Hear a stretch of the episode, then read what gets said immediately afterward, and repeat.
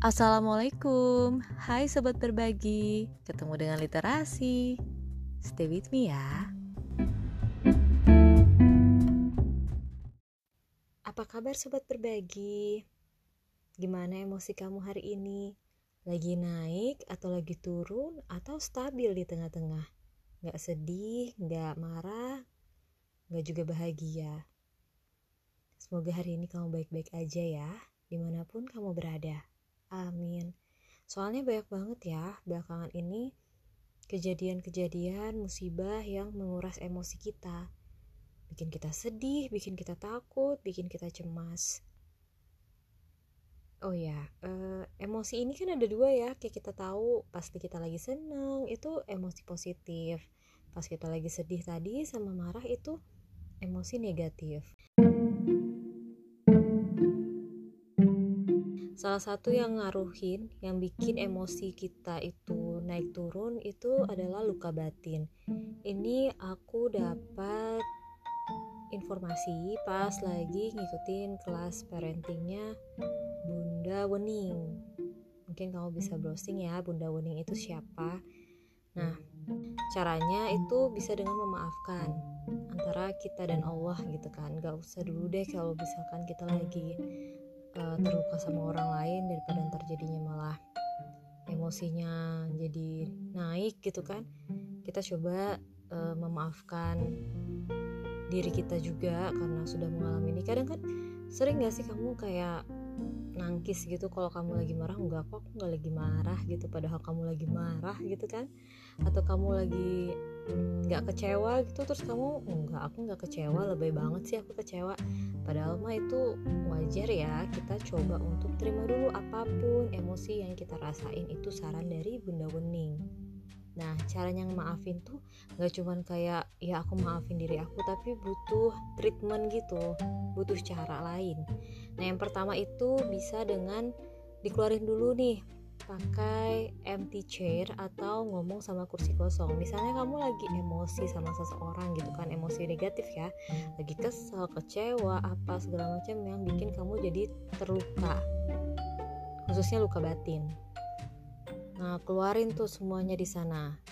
Tapi ingat sebelumnya nih, aduh harusnya ini duluan ya, maaf banget nih aku lupa. Jadi sebelum ngeluarin semua unek-unek kamu ke kursi kosong itu, kamu bikin dulu skala 1 sampai 10 tingkat kemarahan kamu ke orang tadi. E, kalau misalkan 10 nih, kan maksimal banget tuh berarti ya. Ya udah e, kamu ini apa sih namanya? Hmm, keluarin yang kayak tadi cara yang aku bilang keluarin semua unek-unek di ke kursi kosong itu di dalam kamar sendirian ya jangan ada orang kasihan nanti kamu juga nggak bisa ngungkapin apa yang kamu mau gitu kan.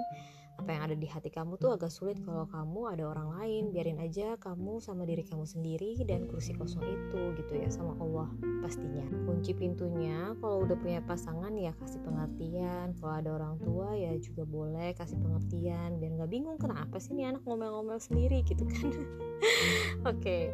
Terus habis itu kalau emang pas lagi ngomong ngungkapin emosi dan apa yang kamu rasain itu kamu pengen nangis, udah. Nangisin aja puas-puasin tuh. Lakuin di kamar. Kalau emang perlu kamu pengen nangis tapi um, gak pengen didengar orang kamu bisa uh, benamin kayak apa ya tutup muka kamu gitu di bantal. Itu salah satu cara tapi ya hmm, jangan sampai nggak napas ya tetap napas jangan sampai zolim sama diri sendiri. Nah terus setelah itu kamu minum dua gelas sebelum terapi. Banyak banget ya nih yang kebalik-balik. Maaf banget catatan aku kebalik-balik ternyata. Jadi yang pertama saran aku kamu minum dulu. Minum dulu dua gelas karena kan kita ngeluarin emosi itu pasti perlu tenaga. Mau itu emosi bahagia ataupun emosi marah dan kecewa itu butuh tenaga energi. Jadi minum dulu biar nggak dehidrasi. Setelah itu uh, buat skala yang tadi kan. Ini skala awal sebelum ngelakuin treatment ngomong ke empty chair atau kursi kosong itu. Nah udah nih dilakuin terus mau nangis ya udah nangis sepuasnya.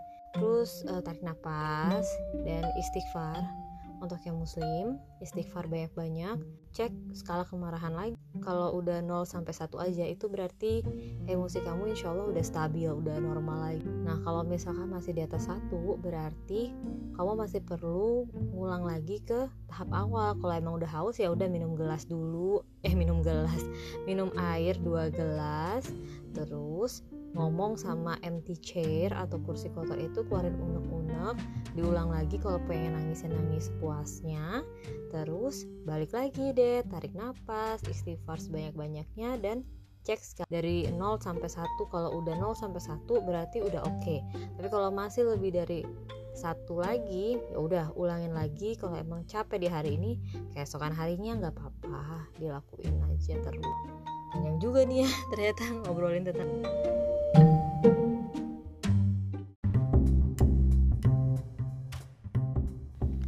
Terima kasih telah mendengarkan apa yang saya bagi dan semangat berbagi.